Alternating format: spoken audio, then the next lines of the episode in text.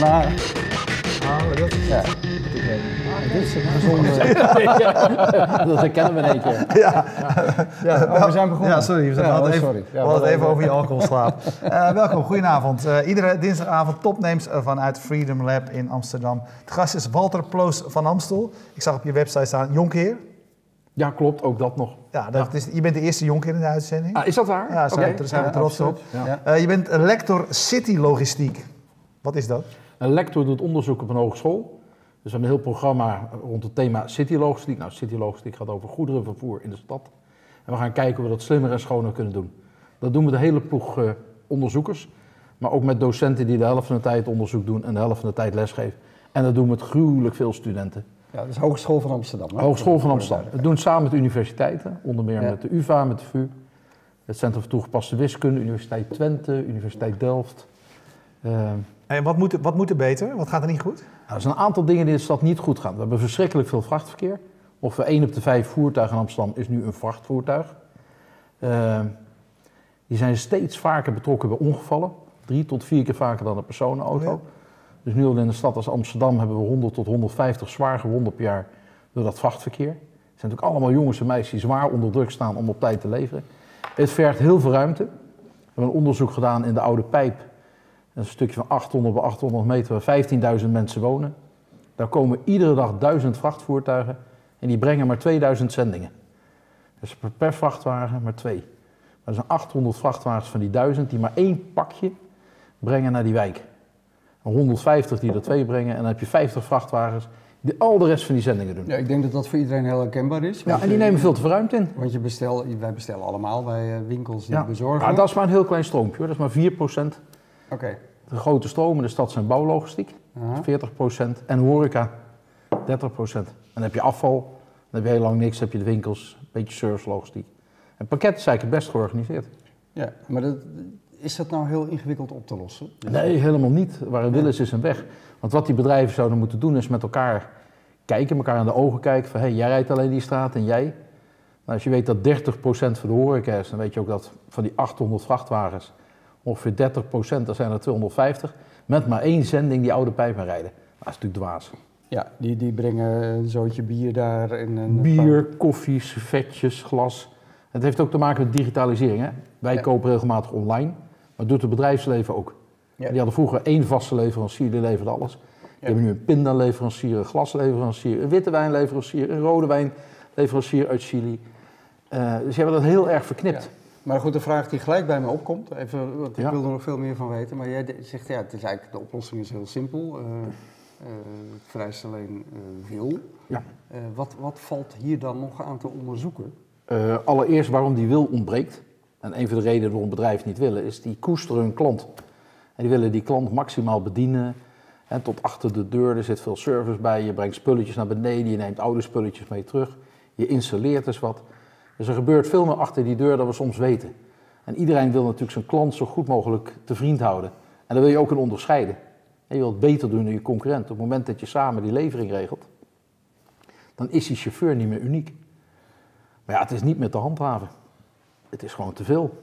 Ja, want, is, eh, eh, ik neem aan dat jullie daar ook onderzoek naar doen. Ja. Schetst dat het probleem is? Je noemde al ongelukken, maar eh, ik kan zo zelf ook nog bedenken luchtvervuiling. Ja, daar wil ik pas op terugkomen. Dat valt wel mee. Ja. Dat, dat wordt echt steeds Ja? beter. De, de vloot aan bestelbusjes vernieuwt zich. En als je kijkt naar het luchtkwaliteitsprobleem in Amsterdam, is dat op een klein aantal plekken op hele bijzondere momenten. De Valkenburgstraat is heel erg, De Stadhouderskade. de Stadhouderskade. eh. Maar het groot deel van Amsterdam is gewoon helemaal schoon. Ja. Nee, als je kijkt, het grote probleem is allereerst ruimte, veiligheid, luchtkwaliteit, straks ook CO2. Hè, CO2 wat tot de klimaatverandering leidt. Eh, en in toenemende mate, of steeds vaker, geluidshinder. Mensen liggen er s'nachts wakker van. En waar het onderzoek over gaat, is dat wij in sectoren kijken. Dus we kijken bijvoorbeeld in de bouw, hoe kunnen we naar de bouwplaats toe heel slim bevoorraden, waardoor je met 80% minder bewegingen toch kan zorgen dat die jongens en meisjes op de bouwplaats kunnen blijven doorwerken. En vroeger had je altijd ruimte om die bouwplaats. Maar we zijn langzaamaan ontwikkeld. Hè. Vroeger was de meeste bouwwerkzaamheden buiten de stad. Nu is ongeveer de helft van de bouwwerkzaamheden in de stad in Nederland. En over 10 jaar is 70 tot 80 procent van de bouwwerkzaamheden in de stad. Waar je eigenlijk dus geen Dat, ruimte hebt. dat is ook gemeentelijk beleid, het ver- verdichten, Ja. dus lege plekken opvullen met... eh, eh, Ja. dan gaan we met aannemers zitten, onder aannemers. En het klinkt heel vanzelfsprekend. Van bundel nou maar je goederen met elkaar. Ga nou met één vrachtwagen die stad in. Nog liever met één boot. Eh, maar dan moet je van tevoren wel met elkaar hebben afgesproken wat je wanneer die stad in gaat brengen. En dat betekent je met elkaar data moet gaan delen. Maar ook heel belangrijk, je moet betrouwbaar zijn. Nou, en je moet eh, het, belang delen, toch? Daar gaat het in eerste Ja. instantie om. Want Ja. what's in it for me? Voor Ja, wie, voor wie nou ja, dat is voor maar één belang, dat is gewoon ge- veel meer geld verdienen. Ja. En eh, zorg dat je op tijd klaar bent met de bouw. Dus dat zijn de sleutels waar aan het draait. Kijk, de horecazaak die wil niet voor niks nog eens een keer om half zes verse vis hebben. Ik woon naast restaurant Vermeer. En die krijgen vier visleveringen per dag. Serieus? Daar woon je Ja. op een mooie plek trouwens. Ik Ja. woon op een fantastische plek, Prins Ja. Hendrikade. Maar je ziet dat, we hebben in dat hele kleine hoekje zitten een stuk of twintig horecazaken. Ja. En dan wordt er ook nog eh, de Zeedijk en de Barmoestraat vanaf dat punt bevoorraad. Wij krijgen 120 horeca-vrachtwagens per dag. Maar dat is best lastig, want de ene horecazaak wil om half vier krijgen. De volgende om half zes, de volgende om zeven uur. Dus een Sligo en een Hanos en een Mako komen allemaal 8 tot 12 keer per dag in dezelfde straten. En dan hebben ze ook nog eens allemaal een apart afvalcontract. We hebben in Amsterdam 42 afvalinzamelaars. Dus eh, de hele straat staat vol met afval, maar ze mogen elkaars afval niet meenemen. Dus als je daarnaar kijkt, is het natuurlijk ook een beetje lachwekkend. ter- terug bij de vraag die mij dan intrigeert. Weet je, het is een volstrekt duidelijk verhaal wat je vertelt. Ja. En, volgens mij ook heel eenvoudig op te lossen. Maar waar Ja. doe je dan nou heel concreet onderzoek naar? Nou, de allereerste onderzoek naar doen is, wat zou je ermee winnen? Gewoon, welke volumes heeft iedereen en als je dat nou bundelt. Ja. En dat moet je ook nog eens ergens aan de rand van de stad doen. En die hub die kost extra geld, zo heet dat hè. Ja. Aan de rand van de stad Nou, dan zeg je eigenlijk, lever nou je spullen af ergens Ja, in de maar- buurt van maar de daar werken A10. mensen, daar heb je ruimte Daar nodig. bundel je alles voor één straat. Dus dat moet je terugverdienen. Ja. Want dit stukje wordt duurder, wat de stad in gaat met die hub. Ja. Dus je moet nadenken met die toeleveranciers van kunnen we dan dat eerste kilometers naar de stad toe efficiënter doen. Nou, een geweldig goed voorbeeld is eh, Bouwgroothandel van Keulen. Die laten één keer in de twee maanden een complete boot met gips komen. En één keer per maand een complete boot met bakstenen voor heel veel projecten. Dat is zoveel goedkoper, dat is een factor 30 goedkoper dan wegtransport. Dat wat ze hier in het voortraject verdienen, kunnen ze naar besteden om dat natraject ietsje duurder te doen. En die hebben dan ergens een hub eh, eh, Ja. aan het water waar je die voorraden kunt opslaan. Ja, En letterlijk aan het water in Amsterdam-Noord. Ja. En Er is een nieuwe hub, een bouwhub, eh, de oude containerterminal. Ja. 55.000 vierkante meter, heel erg groot. Waar meerdere aannemers, meerdere logistiek dienstverleners nu aan het samenwerken zijn om via de binnenvaart aan te voeren en zelfs over water de stad in te gaan. Ja, dat wordt natuurlijk wel een hele mooie oplossing. Maar het klinkt vanzelfsprekend, maar wat ontbreekt is bijvoorbeeld een rekenmodel. Als jij iets koopt bij bol.com, dan weet je niet hoeveel transportkosten in jouw boekje zitten. Dat is gratis. Nou, dat is natuurlijk niks gratis en gratis.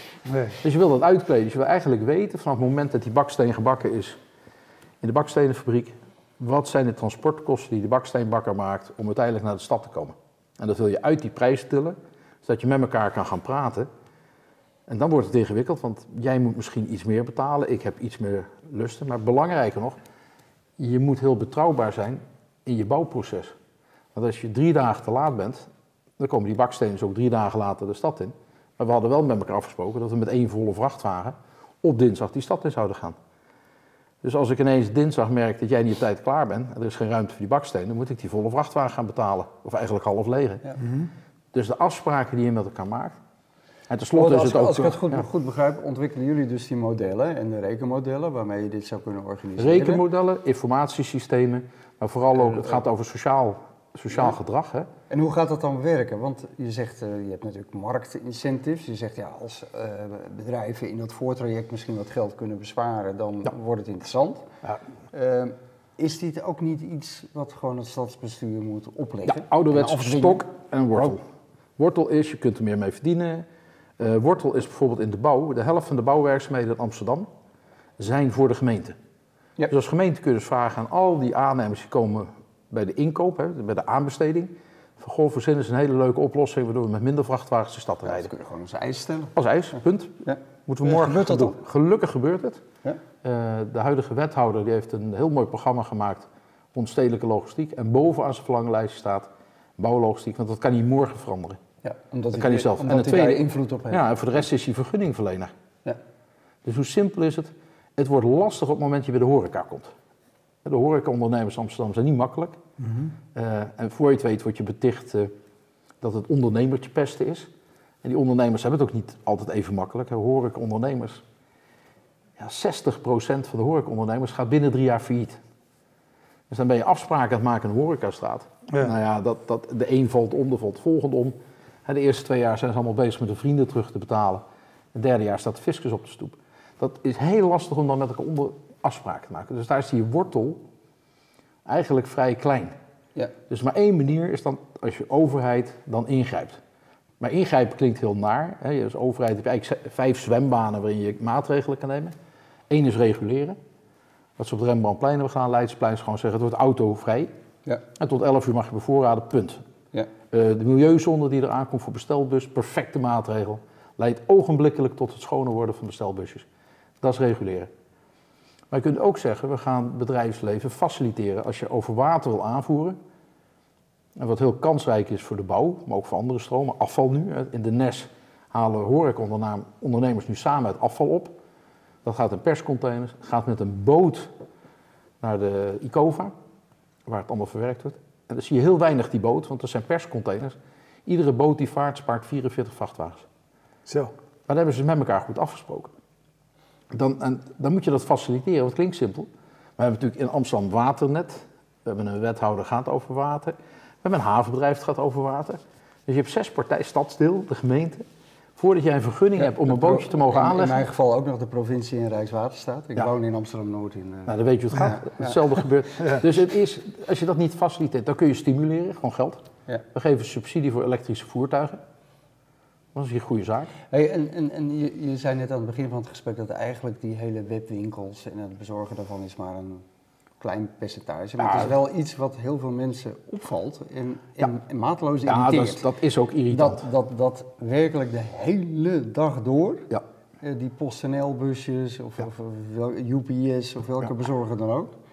Eh, En we gebruiken het natuurlijk allemaal, want het is natuurlijk fantastisch. Ja. Nee, de Eh, online business, wat leidt tot kleine pakketjes. Het 80% van de pakjes in Nederland gaat niet naar eh, consumenten, maar gewoon naar het bedrijfsleven. Ja. Je kleine doosje van de Technische Een Unie. beetje koffie, een espresso, koffie. een beetje dit, een beetje En dat is verbazingwekkend. Dan zie je de eerste DHL-auto, dan de tweede, dan Ja. de derde, dan de Allemaal vierde. achter elkaar door. Allemaal achter elkaar. Blokkeren de grachten, Blokkeren blokkeren de grachten. straten. blokkeren- ja. Dus dat, dat is niet te handhaven. Dan zie je twee hele verstandige dingen gebeuren. Is die bedrijven hebben zoveel gegevens over ons. En dat ze eigenlijk kunnen voorspellen of jij wel of niet thuis bent. En er zijn in Amsterdam eh, heel, hele wijken waar gewoon 60% van de mensen van de eerste bezorging niet thuis is. Ja. Ja, dat is natuurlijk eeuwig zonde, want dan ben je ontzettend veel aan het rijden. Dus dat moet je niet willen. Dus dat heet heel duur address intelligence. En dan gebruiken ze data over de klant om te voorspellen of die thuis is. Nou, dat zou zeker 25% van de voertuigbewegingen schelen, want je gaat met 200 pakjes die stad in. ja, heel simpel. en je rijdt er met 100 weer terug uit. Ja, dat is natuurlijk Heel simpelweg omdat mensen weten dat ik de ochtend na deze uitzending altijd wat langer uitslaap. Dus ik Maar wel thuis is. En twee ik andere, woensdagochtend altijd thuis. maar, en twee andere dingen is, in zo'n wijk waar niemand thuis is, moet je gewoon een pick-up point beginnen. Ja. Je hebt een clubje parcels, je pick-up points Nou, dat zou ik inderdaad een stuk beter vinden dan afgelopen week. Die gasten, ik snap het wel, die jongens moeten dan van een pakketje af. Gaan ze net zo lang aanbellen in de hele buurt, als ze iemand gevonden hebben die ja heeft gezegd, het pakketje. Ja, en ik heb je- hele, ik ben heb hele dagen bezig geweest om dat pakketje terug te krijgen? Maar als er er niet is, kan ik niet bij mijn pakketje. Eh, dan staat er op de bon afgeleverd bij de buren. Ik heb 80 buren. En dan laatste wat ze moeten doen is, die bestelbus is veel te groot voor de stad. Ja. Dus wat je wereldwijd ziet is inzet van cargo bikes, vrachtfietsen. Maar ook Ja, van hele kleine lichte Ik heb toch nog wel een fundamentele vraag. eh, eh, begint het ook niet bij dat we een beetje overdreven allemaal, dat als ik om vijf voor elf s'avonds bij bol.com een boekje bestel, dat ik dat Ja. gewoon de volgende dag zo nodig in de bus wil hebben. Want daardoor kunnen ze geen manieren ontwikkelen om dat te clusteren. Ja, dat, dat klinkt mooi denken- wat je nu zegt, maar dan snap je niks van marketing. Nee, dat beweer ik toch ook niet, dat ik daar wat van snap? Nee, Nee. En, en dat gaat over consumentengedrag. En dat vervelende van consumentengedrag is dat er iets heel naars zit bij consumentengedrag. Dat als ze snel iets krijgen, heeft dat meer waarde. Ja, dus in de winkel maar ik, heb je nee, iets- maar ik, Walter, ik leg een fundamentele vraag op tafel. Ja. Je, we hadden het net over reguleren. Ja. En moeten we dit soort dingen op een gegeven moment niet gaan reguleren? Ja, het is zeg, interessant. Het Vandaag kwam onzin dit. Nee, dat is helemaal geen onzin. Wat je ziet gebeuren. Ik vind het onzin dat Ja. je zo nodig de maar volgende waarom ochtend... vind je het onzin? Nou ja, als dat leidt tot 27 bestelbusjes de volgende ochtend in de straat... die allemaal één pakje komen Ja, afleveren... 27 is die niks. met draaiende motor bij mij voor Ja. de deur staan eh, de Ja, lucht te Dat is een vervuilen. pietluttigheid. Je hebt, je hebt veel meer last van bouwverkeer, alleen valt het je niet op. Je hebt veel meer last van horecaverkeer. Alleen let maar eens op als je straks morgen door de stad rijdt, dan, dan ga je heel anders kijken naar goederenvervoer. Namelijk die 4% is ook nog eens een keer eind dit jaar volledig elektrisch. We gaan naar steeds kleinere voertuigen toe. Die pakketbezorgers, ik wil niet een zwaar pleidooi verzamelen, maar er is een rekensom gemaakt over de externe kosten. Wat heb je het over? Ja. Wat doet het met geluid? Wat doet het aan hinder? En de externe kosten in een pakje, en een pakje bezorgen kost 3 tot 4 euro, Ja. zijn maar 20 cent. Terwijl in dat bouwverkeer, in dat horecaverkeer, zijn 80% Dus van de eigenlijk zeg kosten jij, niet gedekt. wat, wat, wat ik nu zeg, Focus is gewoon een druppel op, op een gloeiende plaat. Laten we eerst even... Ja, laten we vooral eerst die grote Ja. stroom aanpakken. Want Ja, de eerste, kijk, grappig voor die bedrijven dat- is... toch grappig dat in de publieke opinie die pakjesbezorgers als een probleem ervaren. Ja, maar dat is ook wat je ziet. Maar, Ja. maar mensen zien op de stoep dus autootjes staan. Ja. 95% van de stoepparkeerders in Amsterdam is een bouwbusje. Ja. 95%. En jij ervaart een hele hoop witte busjes. Eh, maar, maar DHL die kan zich niet veroorloven om lang met zo'n busje stil te staan. Hè? Klopt, ja. En dit is, het rijden, soort, het is hun, hun maar dit is het soort onderzoek, het boven tafel krijgen van de feiten, Ja. wat jij doet met Ja. jouw studenten en Ja. jouw En we medewerkers. onderzoeken bijvoorbeeld licht elektrische vrachtvoertuigen. En je hebt zo'n stint. Dat is eh, zo'n. Segway met zo'n kinderbak ervoor. Ja. Die wordt gebruikt door kinderdagverblijven. Ja. Die wordt nu de PostNL gebruikt door anderen. Ja, briljant apparaatje. Het is eh, kleiner dan deze tafel. Eh, er kunnen geweldig veel pakjes in. Albert Heijn werkt nu met cargo bikes. Eh, voor de bezorging. Daar kan evenveel in als in de bestelbus. Nou is hij wel heel erg groot, die cargo bike. En hij mag Ja. op het fietspad. Ja, hij is heel En ik moet groot. eerlijk zeggen dat, Ja. en hij is 400 kilo. Op een goede dag gaat dat fout. Dus we moeten met elkaar wel nadenken hoe we in deze stad op een andere manier naar mobiliteit kijken. Als je het wil oplossen, die, die mobiliteit. Want we willen allemaal ons biertje hebben. Het is ook een heerlijk biertje. We willen allemaal in de winkel de meest verse schoenen kunnen kopen. Je wil s'avonds kunnen eten. Je wil je verbouwing kunnen doen. Eh, Als er glas kapot is in je huis. We, staan of vallen met die logistiek. Alleen kan het dus heel veel slimmer. En heel veel innovatiever. Eh, en met heel veel minder overlast. Maar dat, dat begint met na te denken over de totale mobiliteit in de stad. Van wie is de stad? En mijn beeld bij die stad is dat het een hele plezierige plek is. Inclusief waar je buiten kan lopen, waar het veilig is, waar je op een gemakkelijke manier, als je wil fietsen, kan fietsen. Als je wil lopen, naar het station kan lopen. Die auto gaat straks een hele andere plek in de stad. Zelfrijdende auto's? Zelfrijdende, nou, de eerste waar we zelfrijdende auto's gezien is in de pakketbezorging. Want dat voertuig, je kan met 3, 4 km per uur met de bezorger meelopen. Ja. Rijden. Ja. Nee, de, auto, de autonome auto, de zelfrijdende 20 auto in. Amsterdam. Ja. Vergeet het maar, daar is de stad niet voor ingericht. Daarvoor moet je naar Rotterdam. Oké. Dat is een heel andere inrichting van de stad. maar je moet wel- met elkaar nadenken. Ja, maar even wachten. Dit- Ja. Onze stad gaat alleen maar leuk mobiel worden als we met elkaar bijvoorbeeld gestreven naar 30 km per uur.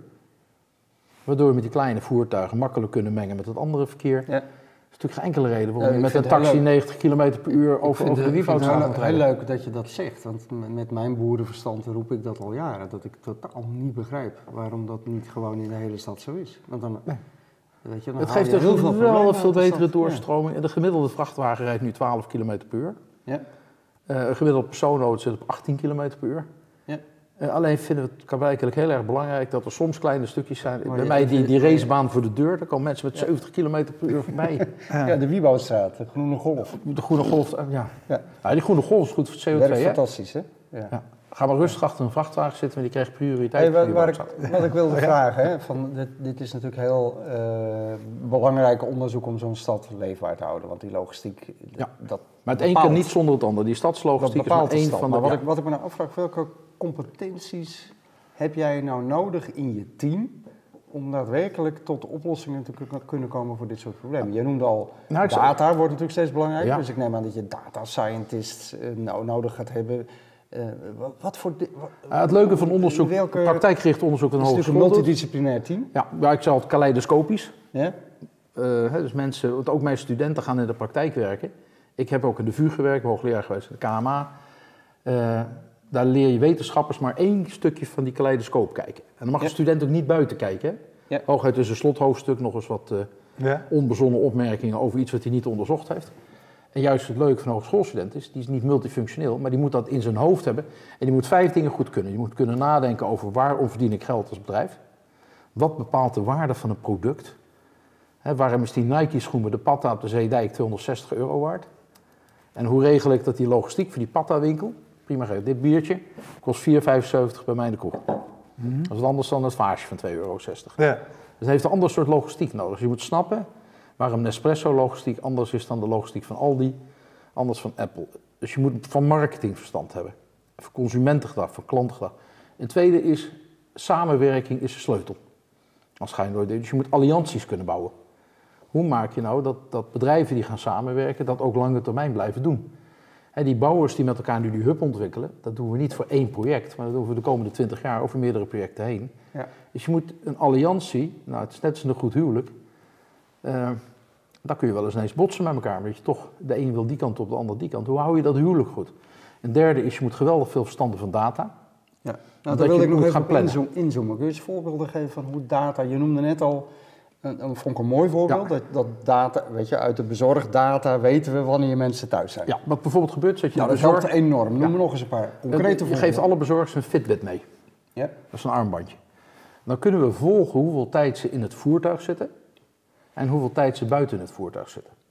Dat is hele belangrijke data, want dat zijn data die we niet hebben. We weten dat een bezorger 200 pakjes kan doen in 8 uur tijd.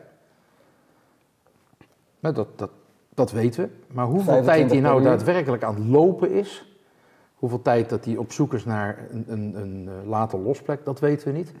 Nou, dat heet dan heel duur process mining. Je gaat als, uh, ja. die, die Fitbit laat overal witte kiezelsteentjes achter. En je gaat net als het spookje met een klein duimpje, ga je de kiezelsteentjes oprapen. En wij ontdekken dan uh, dat de betrouwbaarheid van verkeersdata in de stad slecht is. 1 op de 10 keer loopt de chauffeur in Amsterdam vast omdat er ergens een bouwkraan staat of een verhuizer staat. En dan moet hij opnieuw een rondje gaan rijden. Ja. Met ongeveer 10% te veel kilometers. Dat halen we uit die data. En dan ontdekken we ook, goh, waarom weten we niet waarom een weg afgesloten is? Want je hebt een vergunning nodig. Dan ga je zoeken, hé, hey, die vergunning kost 130 euro. En de bekeuring is 90 euro. Ja. Nou, dan ga je proberen, ja, dat is eigenlijk dwaas, dus dat moeten we gaan digitaliseren. Ja. Want nu weet niemand welke weg afgesloten is. Hetzelfde is, hij zet zijn auto neer. En dan wil je experimenteren met, gaat hij nou één pakje wegbrengen en dan het volgende les weer een pakje? Of laten we vanaf die laadplek, loopt hij, even loopt hij 5, 6. Ja. En wat doet dat met de productiviteit? Wat doet dat met de start en stops? Uh, wat we ook doen is een onderzoek, ook met data. Uh, een chauffeur komt nu aanrijden bij Albert Heijn. Dat een project wat we nu doen. En een gemiddelde Albert Heijn winkel krijgt 8 tot 12 leveringen per dag. Vrachtwagens. Er komt er één aan terwijl de laadplek nog niet uh, vrij is. En dan moet hij helemaal door de stad heen en weer terug de stad in. 20 kilometer omrijden. En dan heeft hij als een beetje pech, staat de volgende vrachtwagen weer. Nou, wat we nu doen is met een planningsmodelletje, kijken we wat rijdt er nu op die Albert Heijn vestiging aan. En we gaan voorspellen wat, welke tijd de laad- en losplek bezet is. Want als er nu niemand staat, wil niet zeggen dat niet over vijf minuten. Mm -hmm. En dan gaan we vrachtwagens aan de rand van de stad laten wachten. En als dan over tien minuten gepland die later losplek vrij is, krijgt hij een signaaltje, ga maar rijden. Ja. En dat is echt met data en dan maar, zet je dat in op slimme IC. Met slimme maar mag ik dan ook concluderen dat eigenlijk, uh, als je hier meer efficiëntie wil bereiken, dat jullie ongelooflijk gebaat zijn bij real-time data ja. vanuit lossende vrachtwagens, dat je precies weet hoe lang dat nog duurt, allemaal dat soort dingen. Dat is ja. best wel complex. Ja, maar daar heb je tegenwoordig informatietechnologie voor. De rekenkracht van computers is nu zo groot. Uh, dat, dat de belemmerende factor is, hè, dat ICT is eigenlijk het vierde wat iemand goed moet kunnen. Het vijfde is, ik heb, in logistiek heb je nog nooit iets uit zichzelf bij vrachtwagens zien springen. Ik niet. Nee, nee. Dat is het, het resultaat van iemand die plant en die neemt beslissingen. En als je die beslissingen niet verandert, dus je geeft veel meer data, je hebt hele slimme informatiesystemen. Als de beslissingen van de chauffeur, van de planner, niet beter worden, dan gaat er niks veranderen. Dus juist iemand die van onze opleiding komt, die moet dus weten hoe ga ik mensen beter leren beslissen. Die menselijke factor is belangrijk. Die chauffeur die, uh, maakt uiteindelijk succes. En we kunnen hem helemaal volhangen met, met nieuwe Sensoren, computertjes en tomtoms. Ja. Ja. Maar zijn, je wil dat hij echt, echt naar het verkeer kijkt. Hè? Je wil dat hij naar de fietsers kijkt, naar de, de, de voetgangers. Wat voor soort banen uh, hebben jouw uh, studenten als ze van school afkomen? Wat, wat voor, waar, waar, komen ze terecht? Nou, de meeste komen terecht als transportplanner, bijvoorbeeld bij een transportbedrijf. dat is toch een soort startfunctie.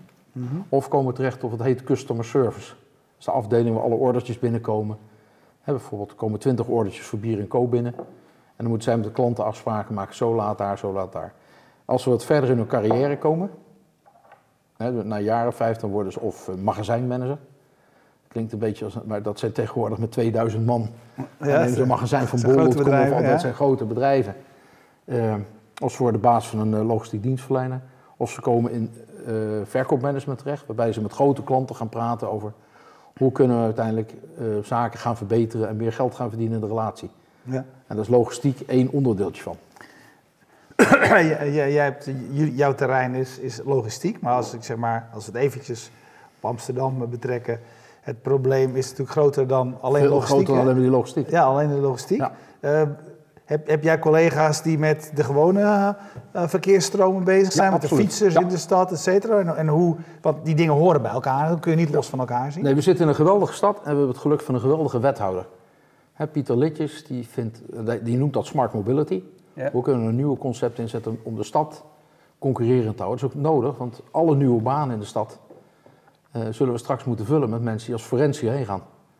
En we hebben nu al 400.000 forensen, over vijf jaar 100.000. Je heeft vanochtend kunnen lezen dat steeds meer gezinnen buiten de stad gaan. Dus mobiliteit wordt een enorme issue. Tegelijkertijd zijn we economisch succesvol. eh, verdubbeling van het aantal eh, luchtbewegingen. Dus we lopen helemaal muur en muur vast. Dus hij heeft de opdracht gegeven aan zijn mensen. Hij heeft een speciaal clubje. Iedereen denkt na, maar een speciaal clubje van de wat innovatievere denkers, hè, 10, 20 jaar vooruit. En die werken samen met wat heet de ovale tafel.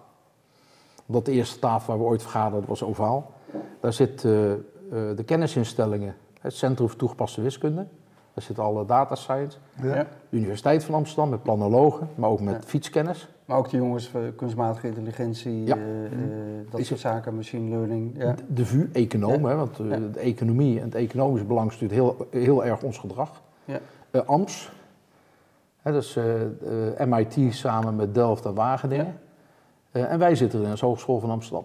Dus dat betekent dat alle mo- modaliteiten, OV, maar vooral ook het verbinden. Want er is niemand meer die unimodaal, dat is een duur woord, maar je gaat niet met je fiets in één keer naar je werk. Het zijn vaak combinaties. Je loopt naar een bushalte, je hebt een bus, en je gaat straks over op de Noord-Zuidlijn en het laatste stukje loop je. Eh, je doet een stuk met de auto, je gaat naar de park en ride en het laatste stukje loop je of je pakt. Ja. En, en we zijn eens aan het kijken naar hoe je eh, die mobiliteit zodanig kan maken dat we er minder last van hebben. Minder files, minder CO2. Toch op tijd op ons werk zijn en dat we maximaal de capaciteiten gaan benutten die er zijn. De taxis, de bussen. Nou, dat heet heel duur Mobility as a Service. Ja. Dat soort net als hè, de, de, de NS Business Card. Ja, het klinkt, Ja. klinkt allemaal fantastisch, maar eh, vergeef me dan mijn cynisme, maar ik las volgens mij vandaag in het Parool, of het kan gisteren geweest zijn, dat volgens mij is het station, het Centraal Station in Amsterdam is echt twee weken klaar. En vandaag werd er aangekondigd dat het weer helemaal op de schop moet. Ja, dat is, Eh. het is ook vijf jaar geleden al aangekondigd hoor. Het is niet helemaal... Nee, maar ik las het dan vandaag. Ja. Het is letterlijk echt net klaar. Ja, het is een levensgevaarlijk station. Heb je die perrons En- gezien als ja. vol is? Nee, maar de, de schepen gaan echt nu gelijk weer de grond in Ja, voor de volgende fase. Maar Ja. dan denken we toch niet ver genoeg vooruit. Dan we kloppen hebben- toch de we- modellen nee. niet? Ehm, dat, wat je, dat is een hele goede van kloppende modellen, het zijn allemaal economische modellen. Ja? Eh, waar we nooit op hadden gerekend is dat het autobezit, Zo snel terug zou ja het loopt niet snel terug. Het, het autobezit in Nederland leent toe, hè? ook Ja, autogebruik. nee, maar in de stad... Alleen in de natuurlijk stad zie je ja. dat het, We hebben het over de stad. ja. Het autobezit loopt ietsje terug uit, maar ook marginaal. Het autogebruik in de stad daalt niet hoor. Ja. Maar we zijn allemaal veel mobieler geworden. Het heeft te maken onder meer met de generatie vergrijzende mensen. Ja. Die hebben alle tijd van de wereld en die reizen gillend rond. De hele groei van de mobiliteit, ook in onze regio, komt van de ouderen. En daarnaast we hebben we het... Moeten we daarmee stoppen, hè? Rijbewijs tot je 60 en dan is Ja, het de fietsen. Ja. En, en eh, tegelijkertijd, we- met, met ook de huizen, wie had nou verwacht die huizenprijzen zo'n dwaze wending zouden nemen? En dat we ineens eh, onze hypotheek moesten gaan aflossen als je een hypotheek neemt. Dus wonen in Amsterdam wordt voor jonge mensen onbetaalbaar. En 35% van de Amsterdammers ook nog flexwerken. Dus je weet niet waar die over drie maanden werkt. Dus mobiliteit, Dus dat laat zich heel slecht voorspellen, zeg je nou ja, eigenlijk. mobiliteit is ontzettend waardevol voor mensen. Het biedt jou kansen op de arbeidsmarkt. Het biedt jou kansen om anderen te Ja. zien. Dus pak mobiliteit ook niet zomaar van mensen af. Je vraagt wat zijn die modellen niet goed geweest? Eh, de modellen zijn best goed geweest. Die hebben echt deze aantallen wel voorspeld. En die voorspellen ook voor de komende 15 jaar dat we 60% meer mensen de trein krijgen. Maar wat je natuurlijk ziet is dat de besluitvorming over grote infrastructuurprojecten. Ja. Want we hadden, kijk, als je morgen het Centraal Station wil ontlasten, dan noemen we voortaan Amsterdam Zuid Centraal Station. Nee, geef- maar geef dat- het, we noemen het IJsstation. Nou, het verbaasde mij dat we die bouwput is net eh, dicht. Ja. En eh, hij, gaat, hij gaat morgen weer open, bij wijze van Ja, absoluut. Ja. Want we moeten de volgende fase houden. Nou, er zijn twee dingen nodig. Het moet veel breder. Ja. Eh, die perrons zijn op dit moment gewoon gevaarlijk in de spits. Het tweede is, we gaan- met die, het frequente reizen met die trein. Dus gewoon meer Gewoon metro. Ja. En het is li- redelijk gevaarlijk aan beide kanten van het station, omdat al die wissels door elkaar lopen. Ja, nee, dat, dat begrijp ik. Hey, we- zijn al aan een half Ja. uur is al voorbij, maar we mogen hem niet laten gaan voordat we nog een hobby. Want we zijn Nee, nee, we hebben niet als, alleen geïnteresseerd in wat je doet, maar ook in, in wie je bent. als we de Big General hier aan tafel de hebben. Big General hebben we niet. Ja, die draait af en toe plaatjes op feesten. ja. nee, ik ben eh, in mijn vrije tijd, vrije tijd eh, draai ik al eh, heel lang plaatjes. En dat doen we bij hele grote feesten. Ja? Onder meer Furball, dat is over twee weken. Eh, we hebben Paradiso 1 december. Heel groot feest, Lofdens. eh, januari weer. En dat doen we ook veel in het buitenland.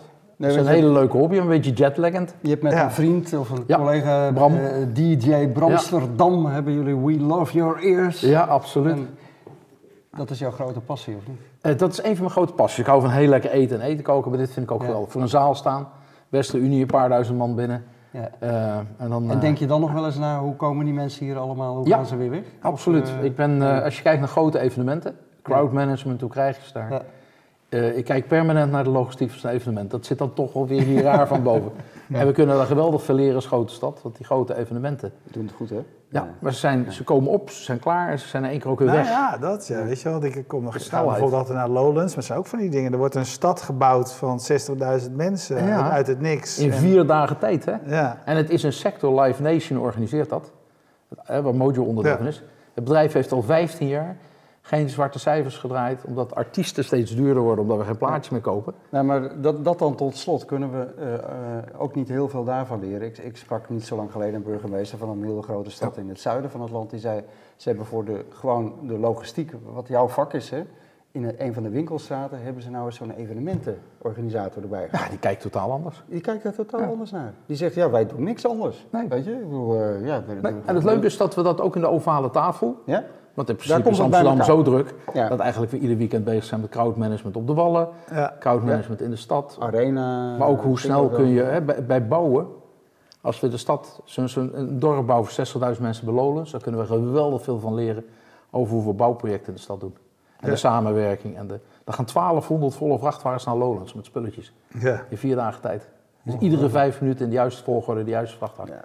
Ongelooflijk. Martinez, even een vraagje aan de techniek. Kun je die twee achter elkaar draaien of niet? Is dat mogelijk? Want dan doen we even de afkondiging. Sluiten we af met En sluit- ja. Ja. Eh, bedankt voor het eh, kijken. Jij bedankt eh, voor je informatie. Dankjewel, dat, zie je, dat half uur dat vliegt, Ja. dat vliegt voorbij. Ja. Ehm, even kijken, wie bedanken we zoals altijd? Hoe was je, hoe was je biertje? Jij houdt van IPA's, Ik, ja, dit is een heerlijke. Dat is een heerlijke, Compaan, ja? lekker. Bier Co zorgt voor de biertjes. Eh, stream, nee, Streamzilla zeg ik nog steeds. Ik moet er een beetje aan wennen. Eh, Jetstream. Jetstream uit eh, Groningen voor eh, de livestream.